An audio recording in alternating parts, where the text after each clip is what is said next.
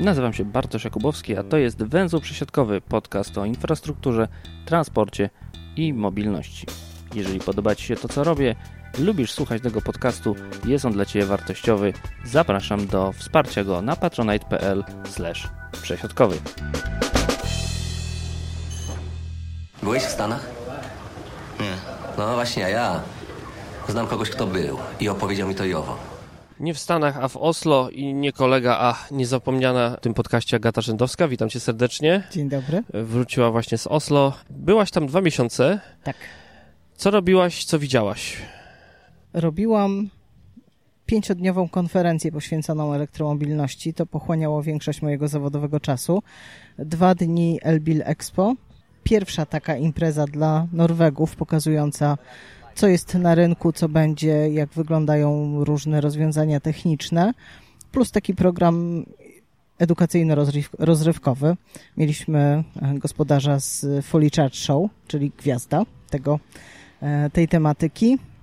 Rozmawialiśmy zarówno o kamperach, o ciąganiu przyczep na kampingi e, gdzieś daleko na północ, o pływających elektrycznych łodziach dostępnych w subskrypcji, o elektrycznych, mm, różnych formach transportu, czyli mikromobilności, ponieważ Norwegia nie ma swojej żadnej marki motoryzacyjnej, ma od niedawna producenta małych pojazdów, które wyko wy wykorzystuje m.in. poczta.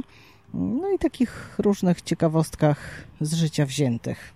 Życia wziętych ludzi jeżdżących na co dzień samochodami elektrycznymi, bo tam jest zarejestrowanych pół miliona takich samochodów pół miliona, to jaka mniej więcej byłaby skala w całości wszystkich pojazdów, które tam jeżdżą po drogach? Niecałe 18% w tej chwili to są w pełni elektryczne samochody. Od mniej więcej 2016 coraz słabiej sprzedają się hybrydy plug-in. Nie tak słabo jak diesle w tej chwili, ale e, to już nie jest e, atrakcyjna opcja. Dużo, dużo do nadrobienia jeszcze kraj ma i przyznaje się do tego w obszarze ciężarówek to, jest, to są śladowe ilości, to będzie teraz priorytet. Zamówili kolejną partię elektrycznych autobusów, więc tutaj też będzie szybko przybywać. No i właśnie tym wyzwaniom przyszłości i dlaczego to wszystko robimy, poświęcone były kolejne trzy dni tego wydarzenia, czyli EV S35, robione na spółkę z Avere, czyli z Europejską Organizacją Zrzeszającą organizacje promujące i wspierające elektromobilność w Europie. To może zacznijmy od tego właśnie, po co to robimy, bo w ostatnim czasie przelała się, można powiedzieć wprost, gówno burza dotycząca tak naprawdę e, tego, że od 2035 roku w Unii Europejskiej nie zarejestrujemy nowego samochodu z silnikiem spalinowym to po co to robimy i jak to wygląda w kraju, który nie jest w Unii Europejskiej? Otóż kraj, który nie jest w Unii Europejskiej, po tym głosowaniu w Brukseli mówił: Wow, robicie coś bardziej ekstremalnie niż my. To znaczy, Norwegia wytyczyła sobie rzeczywiście cel na 2025 rok, kiedy nie będzie można sprzedawać w zasadzie samochodów e, spalinowych nowych, ale to nie jest takie umocowanie prawne, nad jakim my pracujemy w tej chwili w Unii Europejskiej. E, tutaj polityka fiskalna przede wszystkim jest tak prowadzona, żeby to się nie opłacało, więc to nie będzie taki zakaz, e, jakiego my się spodziewamy. Bardziej ewolucyjnie, e, trochę mniej twardo, ale wydaje mi się, że to jest możliwe do osiągnięcia. Oczywiście nie zabraknie osób wyjątkowo majętnych, które sobie pozwolą na jakiś samochód elektryczny i będą chciały płacić te wysokie opłaty drogowe, podatki, e, ponosić koszty kolosalne, naprawdę kolos, koszty benzyny. Tak. Powiedziałeś elektryczne. O, przepraszam. E, natomiast elektryczne będą się wciąż opłacić. E, widziałam też pe pewną burzę, która była w Polsce w mediach na temat tego, że Norwegia idzie już w ogóle w jak, jakimś chorym kierunku, bo nie dość, że ma te... Elek... Norwegii już nie ma.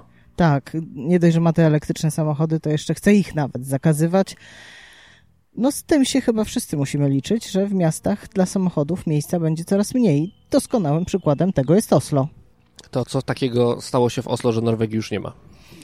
W ciągu ostatnich siedmiu lat wprowadzono tam dość rozległą strefę czystego transportu, nie nazywając ją strefą czystego transportu. Wprowadzono duże ograniczenia w ruchu dla samochodów jakichkolwiek. E, to są po prostu zamknięte obszary, w których priorytet ma transport publiczny. W ten sposób prowadzono szereg e, remontów dróg. Są wysokie krawężniki, tak żeby podjeżdżały tam tramwaje. E, wysiada się wtedy niemal na równi z, z przystankiem. Można łatwo wciągnąć wózek, czy wjechać nawet jakimś pojazdem, bo bardzo dużo osób w Oslo. Oslo nie jest takie płaskie jak Warszawa. E, tam się ciągle chodzi pod górę albo z góry, więc osoby, które mają jakiekolwiek problemy zdrowotne, mają jakieś e, choroby reumatyczne albo po prostu wiek powoduje, że poruszają się mniej sprawnie, mogą wszędzie właściwie wjechać swoimi pojazdami elektrycznymi albo poruszać się swobodnie z balkonikami. O tym miasto ewidentnie myśli. No i to jest y, taka zmiana, która oczywiście nie wszystkim się podoba, ale postępuje. A propos tego właśnie peronu, wysłałaś mi takie zdjęcie y, właśnie z Oslo, w którym widać było tak dość y, niedużą różnicę między peronem i tak się przez chwilę zastanawiałem, czy to tramwaj, czy autobus i w pewnym momencie stwierdziłem, że jakby to był tramwaj, to byłoby na równo. A skoro jest, jest to drobne równe, czy to jest autobus. Jak wygląda y, komunikacja miejska w Oslo? Wspominałeś o tym, że jest, że w Norwegii dokupują nowe autobusy elektryczne, ale nie tylko chodzi mi o tabor, ale też o to, jak to jest zorganizowane, jak ten system funkcjonuje, czy faktycznie to jest coś, co zastępuje ruch samochodowy. W miejscu, w którym ja mieszkałam, czyli no jeszcze nie peryferyjna zupełnie dzielnica Trosderu, e, no można w zasadzie zapomnieć o samochodzie, jeśli porusza się człowiek w obszarze albo najbliższe centrum handlowe, szkoła, e, przedszkola. No, szkoła, przedszkola to raczej jest domena pieszego ruchu. I jeżeli chce się dojechać do centrum albo do jakichś stacji przesiadkowych. Ja kupiłam sobie po prostu bilet miesięczny na pierwszą strefę. Wszystkie stacje metra mieszczą się w pierwszej strefie, e, więc nie trzeba dopłacać. Tych e, nitek metra jest wyciągniętych całkiem sporo. W tej chwili trwają prace nad tym, żeby jeszcze zwiększyć przepustowość przez centrum, bo peryferyjne dzielnice, takie sypialnie, potrzebują lepszego skomunikowania, a no, mówiąc wprost, na tych liniach przejazdowych przez centrum jest już podkorek. Tam się nie wpuści więcej pociągów, więc trzeba zbudować nowy tunel obok.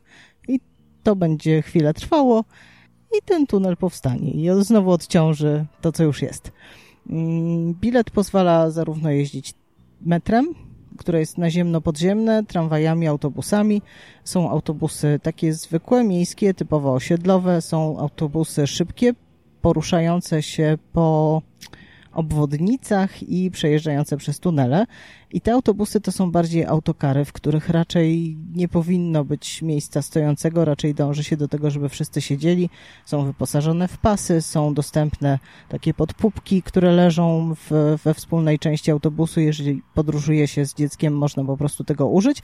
A w niektórych modelach autobusów wręcz są takie wysuwane, e, wykładane z oparcia mm, siedziska dla dzieci. No wszystko po to, żeby było bezpiecznie. No to dość ciekawe, bo to też jest element, który w Polsce y, budzi raczej takie śmiechy i ironiczne pytania, tak, że w samochodzie trzeba dziecko przypinać pasem i sadzać na foteliku, a w autobusie magicznie e, to znika. No to okazuje się jednak, że e, poważne myślenie o bezpieczeństwie też jest w autobusach. No jakby nie patrzeć, też w Polsce trudno znaleźć kogoś, kto w autobusie nawet wyposażonym w pasy, te, te pasy zapina. E, więc może przejdźmy w, w ten sposób tak dość płynnie do tematu właśnie tego, jak wyglądają kwestie bezpieczeństwa ruchu drogowego, infrastruktury, która ma to zapewnić. Odwołam się do swojego przykładu z tego tygodnia już z Polski. Jechałam e, pod Warszawę obejrzeć elektryczną ciężarówkę Skani. Skania jest zlokalizowana przy trasie katowickiej, już za Warszawą. No i żeby tam dojechać, to niestety dwa razy mi zamarudził trochę tramwaj na światłach. Nie dojechałam na ostatni taki miejski autobus drugostrefowy. Musiałam pojechać PKS-em. PKS to był dość nowy, mały e, samochód Mercedesa, niewyposażony w żadne pasy. Kierowca też jechał chyba bez pasów. E, sprawdzałam, no nie chciałam mu się wychylać przez ramię i sprawdzać ile jedzie. Sprawdziłam sobie w Google, włączając e, nawigację, 96 na godzinę. I wszyscy siedzieliśmy bez pasów.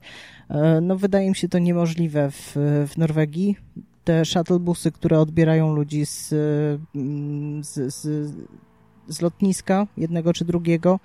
Ja spotkałam się z tym, że kierowczyni przez y, mikrofon powiedziała, widząc, że są zajęte miejsca, ale nie są zapięte pasy, że nie ruszymy, dopóki wszyscy nie zapną pasów. Nie zawsze się tak zdarza, nie wszyscy zapinają pasy oczywiście tam, gdzie to jest możliwe, bo one są po prostu, no ale one są i to, to jest jakby już taki kierunek pokazujący, w jaki sposób myśli się o transporcie. Mm, tramwaje są dość mocno napakowane. E, trasy nie wszystkie są zmodernizowane. Jest taka jedna, w której wysiada motorniczy i przestawia jeszcze ręcznie, e, żeby pojechać w odpowiednim kierunku. Ale w Oslo jest takie podejście, że one jeżdżą, sprawdzają się. Będziemy musieli to wymienimy i rzeczywiście pomału, pomału to, to się zmienia. Mm, ale ludzie, no, niezależnie od statusu, jeżdżą transportem publicznym, bo po prostu albo nie mają gdzie zostawić samochodu blisko pracy, albo jest to horrendalnie drogie.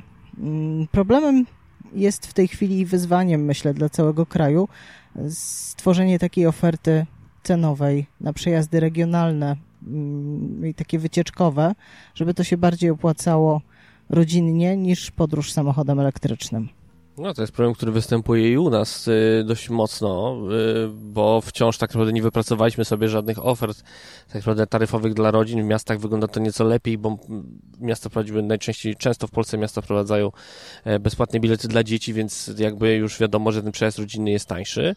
No ale jednak widać, że tam chyba z tego co mówisz, tam też jakby brakuje tych ofert właśnie takich, które są chociażby znane z, z Niemiec gdzie w Niemczech jakby zazwyczaj domyślnym rodzajem podróżowania w weekend są te bilety grupowe na pięć osób, liczba oczywiście nie jest przypadkowa, e, które są relatywnie bardzo tanie i jakby pozwalają na te podróże właśnie ukierunkowane na te grupy, które normalnie pojechałyby samochodem, a przez to, że dostają taką ofertę e, czy w związku z tym w Norwegii transport publiczny jest drogi? Tak to trochę zabrzmiało w ten, w ten sposób. Miejski jest przystępny porównując y, koszty zakupu takiego biletu miesięcznego, nawet do rozszerzonej strefy, y, z tym, ile zarabia się, to jest dostępne. Natomiast y, jednorazowa podróż albo bilet miesięczny wykupiony na przykład na miasto, które jest od, od Oslo o, o 50 kilometrów odległe, w zasadzie jedzie się dość szybko. Jedzie się porównywalnie jak samochodem, bo tam są spore ograniczenia E, prędkości na, na drogach. Natomiast no, wychodzi to już nie tanio.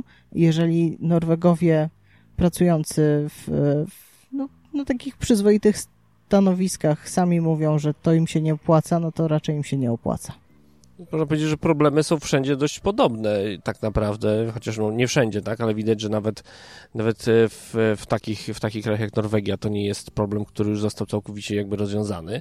E, to jak sobie radzą ci, którym e, nie opłaca się jazda transportem publicznym, jak wygląda przyjazd typowego Norwega do pracy w stolicy, jeżeli przyjeżdża samochodem? Jak wygląda kwestia na przykład parkowania i na co te 18% kierowców, którzy jeżdżą samochodami elektrycznymi może liczyć? Nie może I na co mogą liczyć i ci, którzy nie mają ich jeszcze? Nie mogą już liczyć na jazdę buspasem. E, takiego przywileju już w, w tej chwili w Norwegii nie ma. Natomiast wciąż mogą korzystać z obniżonej opłaty za parkowanie. To jest zawsze 50% tego, jaką kwotą obłożony byłby samochód spalinowy i to wynika z prawa. Więc jeżeli, tak jak w tej chwili Oslo zaczyna e, mówić o tym, że chciałoby podnieść opłaty za parkowanie i za użytkowanie samochodów, e, czyli taką opłatę drogową, no to będzie znaczyło, że spalinowe zapłacą więcej i połowę tego zapłacą elektryczne. Mm, parkowanie jest y, płatne, miasto jest podzielone na strefy i tak naprawdę jak przebiegają te strefy, to wie chyba tylko jedna jakaś osoba w mieście e, i co, co dokładnie przyświecało wyznaczeniu im, ich, natomiast jest łatwo się w nich e, poruszać i opłacać wszystko przez aplikację. Ona jest dostępna, e, czytelna, nie ma najmniejszego problemu, żeby sobie poradzić z, z nią. Można wprowadzać różne samochody.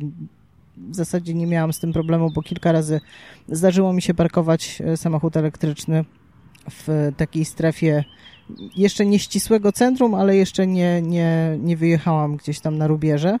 Mm, na rubieżach jest często tak, że przy dużych osiedlach są miejsca dla gości na przykład wyznaczone. Nie jest ich dużo, ale nie są jakoś specjalnie oblegane. Można tam parkować od y, kilku godzin do kilku dni czasami i mieszkańcy bardzo, bardzo tego pilnują, żeby po na przykład trzech dobach samochód przyjezdny zniknął. To jest dość ciekawe, bo y, mamy często problemy z osiedlami grodzonymi, gdzie kiedy przyjeżdżamy w gości kompletnie nie ma gdzie stanąć. Inna sprawa, że i mieszkańcy też y, parkują samochody, gdzie popadnie w takich miejscach. Jeśli mają trzy. Jeśli mają trzy, czasem nawet jak mają jeden, chociaż jakby tutaj już kończąc tą dygresję z tymi jednak obowiązkowymi garażami trochę, trochę to się zmienia. No ale jakby znowu to widać, widać, że to trochę jest jak, jak, jak w tym dowcipie Cytryna i Gumiaka, że myśmy myśleli, że na zachodzie to jest inaczej, a tam jest tak samo jak u nas. To może co jest innego? Co takiego wyraźnie odróżniającego Norwegię od Polski widziałaś tam, jeżeli chodzi o kwestię transportu, mobilności? Y, Metro jeździ do późna w nocy bardzo często. Tak jak mówiłam, mieszkałam no, nie, nie całkiem blisko centrum. Autobusy mają rozkłady tygodniowe, sobotnie i niedzielne. W niedzielę jeżdżą dość rzadko i potrafią przyjechać wcześniej niż to zaplanowane, więc trzeba na to uważać. Co mnie zaskoczyło, czym się naprawdę chyba różni Oslo od Warszawy, to to, że mnóstwo dzieci, naprawdę niedużych dzieci, samodzielnie podróżuje do szkół. Komunikacją miejską. Oczywiście nie, nie może zabraknąć też pytania o rowery. Jak, jak bardzo rowerowa jest Norwegia, jak bardzo rowerowa jest Oslo? Norwegia staje się coraz bardziej rowerowa. Z kraju, który w zasadzie nie miał ścieżek rowerowych, nie miał szlaków bezpiecznych dla, dla rowerów. To, znowu chwili... jak my. Tak, tylko oni trochę już nas wyprzedzili. Obserwuję te zmiany w Oslo od kilku lat i są one moim zdaniem spektakularne. E, z odległych dzielnic można dojechać bezpiecznymi ścieżkami rowerowymi do centrum. Bardzo popularne są rowery elektryczne ze wspomaganiem. To jest oczywiście naturalne, bo raz jedzie się z góry, raz pod górę. Czasami te góry są dość e, z perspektywy mojej, no to ba, ba, bardzo e, stresujące. Dla nich oni się tam poruszają jak trochę jak kozice górskie. To jest ciekawostka. Ruch rowerowy nie zamiera tam zimą. Ale zdawać by się mogło, że no nieco bardziej na północ położony niż Warszawa, Gdańsk, Gdynia yy, i to też tak górzyste jak co najmniej jak Gdynia, Oslo, że ten ruch nie zamiera na zimę, to jednak jest pewna niespodzianka. A z, z czego to wynika? I, I, co trzeba zrobić, żeby ten ruch rowerowy na zimę nie zamierał, bo u nas ciągle to jest pokazywane rowery jako coś, co czym się jeździ głównie latem, bo jest to fajne i przyjemne, a zimą jest y, tak odpychające, odrażające, że nawet już miasta jak szukają oszczędności, to y, tną na odśnieżaniu, o czym też już kiedyś mówiłem w podcaście nawet. No przede wszystkim to jest w głowach Norwegów. Nie ma złej pogody, jest złe ubranie. Oni cały rok chętnie spędzają czas na świeżym powietrzu i kiedy okazało się, że mogą również przemieszczać się na świeżym powietrzu, skrzętnie to wykorzystują i przez centrum przejeżdżają naprawdę kawalkady rowerów cargo, w których jest miejsce na dziecko, zakupy, które ewidentnie zastępują samochód, sprzedają się jak ciepłe bułki. Ceny mają porównywalne jak u nas, czasem trochę tańsze, czasem trochę droższe. Są formy leasingu, wypożyczeń najróżniejszych form finansowania tych rowerów i to chyba zmieniło ich nastawienie do poruszania się właśnie całorocznie rowerami. No bo jeżeli mam sprzęt warty kilkadziesiąt tysięcy koron, zainwestowałem albo zainwestowałam w dobre ciuchy, to dlaczego mam sobie odbierać przyjemności jazdy rowerem zimą? No to już się po prostu nie opłaca nie jeździć. To trochę tak jak czasem z samochodem, że ktoś, ktoś kto już ma ten samochód, to jeździ nim wszędzie. Czyli, czyli tu jakby następuje odwrócenie tego paradygmatu, czyli jeździmy rowerem, bo już tyle w niego włożyliśmy i tak jeszcze jest, jesteśmy obstawieni na ten rower, że już nie bardzo opłaca się z niego rezygnować. A jak z kwestią rowerów elektrycznych? Widać na ulicach rowery elektryczne, czy jeszcze są, są dość niszowe? Mnóstwo. Naprawdę mnóstwo we wszystkich segmentach zarówno rowery takie rekreacyjne, miejskie, jak i szybsze są widoczne z, z napędami elektrycznymi.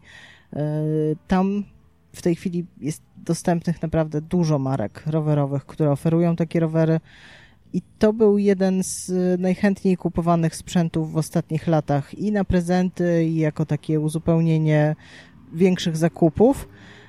No i były też, i pewnie jeszcze będą, dopłaty miejskie do zakupu rowerów elektrycznych. Rozeszły się jak ciepłe bułki, mniej więcej tak jak u nas w Gdyni.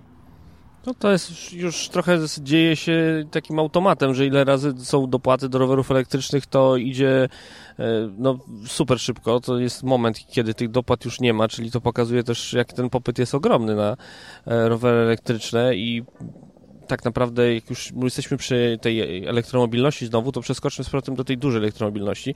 Wspominałeś o tym, że jest 18% samochodów elektrycznych, no ale jak wygląda ta infrastruktura do ładowania? Czy to jest y, to, że to tymi elektrykami faktycznie jeżdżą ci, którzy mają domek pod miastem i mogą się sami ładować z gniazdka, z własnej fotowoltaiki albo y, generalnie po prostu w jakiś tam tani sposób? Czy to jest, y, stoi za tym jakaś publiczna, może prywatna infrastruktura do ładowania typowo w miastach? Czy Norweg, który mieszka w bloku może sobie e, komfortowo e, pozwolić na korzystanie z samochodu elektrycznego?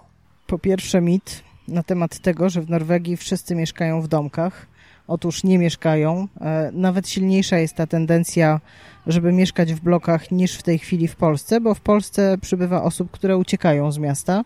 Tam miasta się rozrastają. W Oslo w tej chwili trwa debata, czy umożliwić budowanie bloków mieszkalnych, które będą miały powyżej 30 pięter.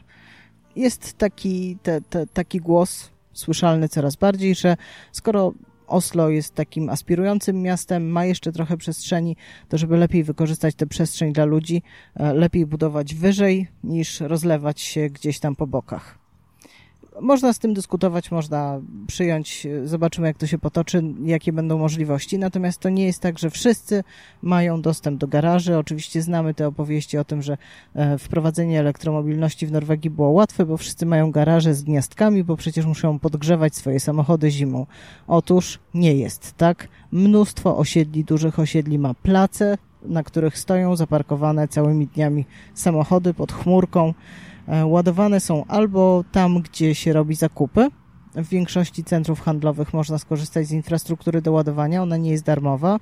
E, są ładowarki na ulicach i powiem szczerze, że musiałam się natrudzić, żeby znajdować takie miejsca, gdzie te samochody są podpięte i ładowane e, w ciągu dnia albo weekendami bo czasami jest tak, że stoi jeden, a czasami jest tak, że y, nie stoi przy, przy tych słupkach do ładowania nic zupełnie, więc zakładam, że ładowane one są albo w pracy, albo właśnie przy okazji takich y, różnych aktywności.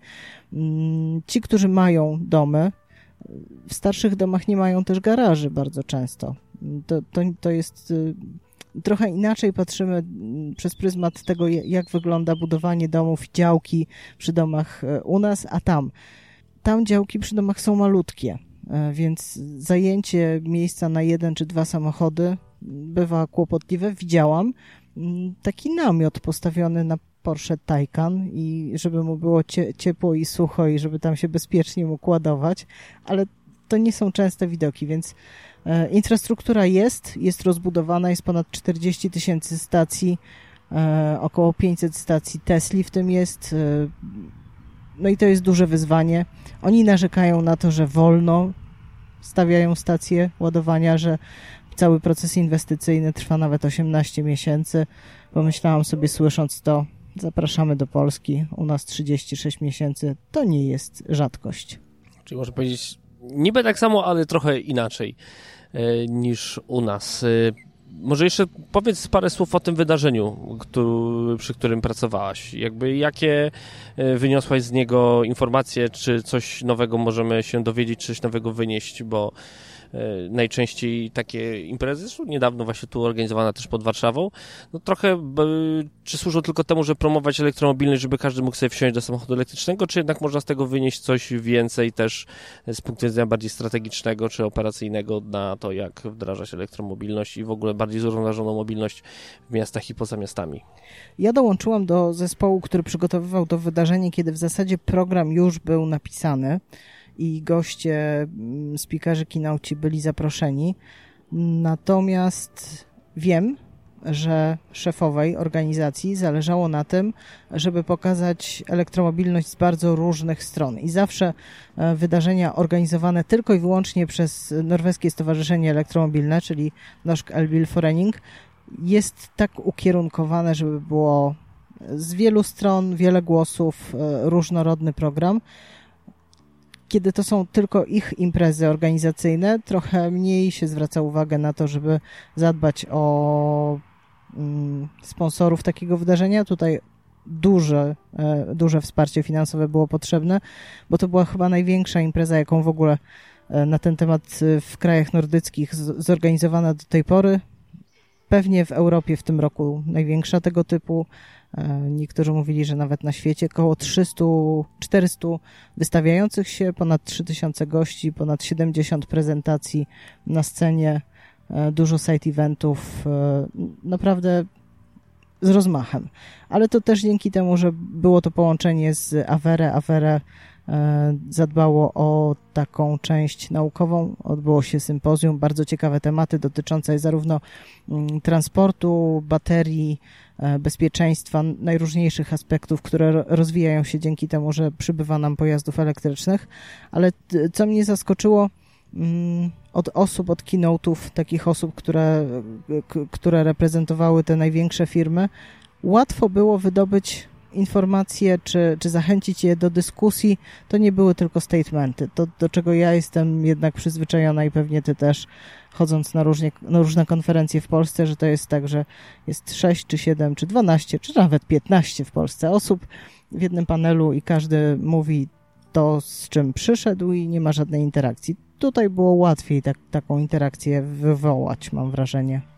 Z tej interakcji wynikało, czy w, docierały jakieś informacje o tym, że jest y, problem z tym, żeby zrealizować ten y, projekt dotyczący braku rejestracji samochodów spalinowych, że są dostrzegalne jakieś bariery w tym i czy jest powiedziane wprost, że samochodów, że wskutek tego samochodów po prostu będzie mniej? Zdecydowanie to jest temat, który się tam pojawiał. E, pojawiał się też temat tego, że trzeba modernizować i elektryfikować e, łodzie i to jest e, palący problem, że trzeba inwestować w koleje, że kolejny wielki krok, do którego kraje nordyckie się przygotowują, to jest elektryfikacja połączeń samolotowych, bo nam się wydaje z perspektywy dość płaskiej Polski, że tam przejechanie 300 czy 400 kilometrów to nie jest problem, no, w Norwegii to bywa problem, bo po prostu albo tej drogi nie ma, albo jest ona tak kręta, że z 400 robi się 700 kilometrów i połączenia lokalne są dość popularne. E, kraj chciałby wyeliminować emisje także z tego sektora i, i wcale się nie dziwię. Mm, więc y, ta, ta różnorodność tematów, y, ja ją bardzo doceniam. Natomiast y, no tam nikt absolutnie nie neguje kierunku, w którym świat idzie. Tam nie ma już, tak, tak jak u nas mam wrażenie, że są tacy klimatyczni denialiści i są tacy elektryczni denialiści i oni sobie tam mówią, że no przeczekamy, że fazy, że e, w kolejnych latach coś tam się zmieni, że no teraz jest ciepło, ale będzie chłodniej i tak dalej. No, tam takiego tematu naprawdę nie ma.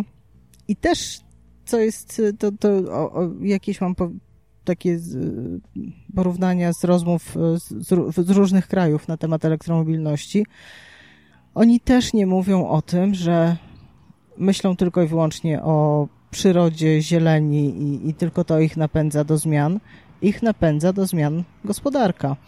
E, udało im się stworzyć system, w którym posiadanie i użytkowanie samochodu elektrycznego się opłaca cieszą się z tego, że to się też opłaca środowisku. No i teraz szukają takich rozwiązań, które spowodują, że będzie się opłacało zrezygnować niebawem z, ze sprzedaży wydobycia kolejnych złóż ropy. Zbliżając się do końca, jak w Norwegii patrzy się na temat y, wodorowy, który u nas y, zdaje się być bardziej atrakcyjny dla niektórych petrolheadów niż y, czysta elektryfikacja? Norwegia miała epizod, może nie aż tak silny jak my, wodorowego hypu. E, no ale okazało się, że tu, tutaj chemii nie ma na razie. Przetestowano rozwiązania autobusowe, były stacje wodorowe, był pilotaż autobusów. One się nie sprawdziły. Autobusy elektryczne, bateryjne dużo lepiej sobie zdaje się radzą i w ogóle ciekawe rozwiązania teraz będą wprowadzane, bo po, po już kilku latach użytkowania autobusów elektrycznych operator wie, że wcale nie potrzebuje dużo pantografów, woli ładować, woli większe baterie, rzadziej ładować, ładować nocą w zajezdniach, więc będzie inwestować w tańszą infrastrukturę. Mm, wodór w obecnych strategiach takich długoterminowych jest obecny jako magazyn energii, jako surowiec do sprzedaży, wytwarzany z zielonej energii i dopiero od niedawna Norwegia inwestuje w budowę wiatraków onshore, offshore i będzie te inwestycje zwiększać. Więc wodór będzie raczej e, wykorzystywany z tego, co, co, co czytałam i o co pytałam mm, w, e, eko, w elektroenergetyce, e, a ekologiczny transport to nie będzie transport wodorowy. To dość odmienne podejście do tego, jaki jest u nas. Temat wodorowy trzeba też będzie jeszcze w Polsce zgłębić, ale na dziś tą klamberką zamkniemy ten temat. Agata Rzędowska, elektromobilna Agata, bardzo Ci dziękuję. Dziękuję.